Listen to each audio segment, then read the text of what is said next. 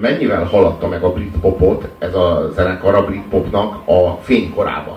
Hát amikor még a Britpop nem is a Britpop még nem is hanyatlott, hanem igazából így, így csúcson volt. Akkor. Hogy milyen, milyen mértékben mutatott túl rajta. Mondjuk egy átlagos brit pop lemezen, de fogalmazunk úgy, hogy egy átlagos pop lemezen, 10 számból, egy átlagos pop lemezen 10 szám van. Átlagos pop lemezen 10 számból 8 szám az gyors, és két szám az lassú. Na most az átlagos uh, Radiohead lemez, az mondjuk így fogalmazunk úgy, hogy az első kettő, mert utána már teljesen elborultak, azon mondjuk a pont fordított az arány.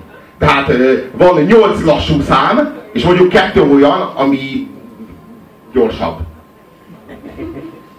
És ők voltak az elsők, akik ezt felvállalták, tehát így szembe mentek az egész popzenével.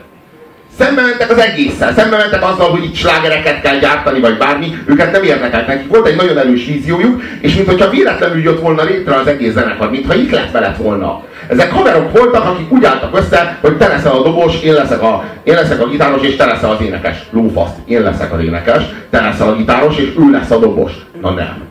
Nem, mert én leszek a gitáros, és te leszel a dobos, és ő lesz az énekes. És aztán addig baszakodtak egymással, míg aztán végül leosztották, elkezdtek zenélni, és így ez lett belőle. Tehát, hogy így, így nem volt hangszeres tudásuk, amikor, amikor létrehozták a zenekart. Hanem olyan erős víziójuk volt, amihez már csak meg kellett szerezni a, a, a zenei tudást, és már ki is tudták fejezni. Nem tudni, hogy mi, nem tudni, hogy mi ez. De ők érezték, és, és ez egy valóság. És ez maga a Radiohead. Semmi köze a zenéhez onnan lehet tudni, hogy már, már megvolt, amikor még nem tudtak zenélni egyáltalán. Iszonyatosan sokat segít egy olyan zenén, aminek az emberekhez közel kell jutnia az, ha nem túlképzett egy zenész az egészhez, és nem azt keresi benne, hogy amit a kilencedik évben tanultam a zenem iskolában, vagy a zeneművészeti, vagy akárhol, az milyen jó volt, most azt itt elsütöm. Hanem tényleg csak arra gondol, hogy milyen ívet akarok húzni, milyen hangulatot akarok, és ebbe a hangulatba bele tudok feledkezni, és játszom valamit, ami nagyjából esztétikusan szól, és sokkal, hát így lehet popzenét csinálni, nem úgy, hogy szarrá tanulod magad.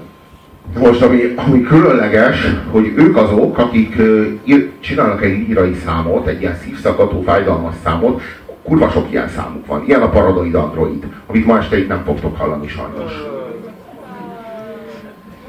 Miért, miért nem fogtok hallani? Miért nem fogtok hallani? Mert találtam öt jobbat. Azért nem fogjátok hallani. Igen. Jó ezek, e, ezek olyan számok, amik, amik elképesztően líraiak, és elképesztően fájdalmasak, és el, ilyen, ilyen örvénylően a, a, a, a lelkedik hatolóak tudnak lenni, és aztán meg jön egy, jön egy, egy, egy váltás, és jön valamilyen irdatlan kemény zúzás a gitárral, hogy így szétszaggat, és utána meg így visszazuhansz a, a melankóliába vagy a lírába. És rengeteg ilyen számokat, mondjuk például a Paranoid Android is ilyen, de most egy másikat ajánlok, ami kevésbé ismert de legalább olyan zseniális szám ez az Iron Lung, az egyel korábbi Band című lemezről. My Iron Lung.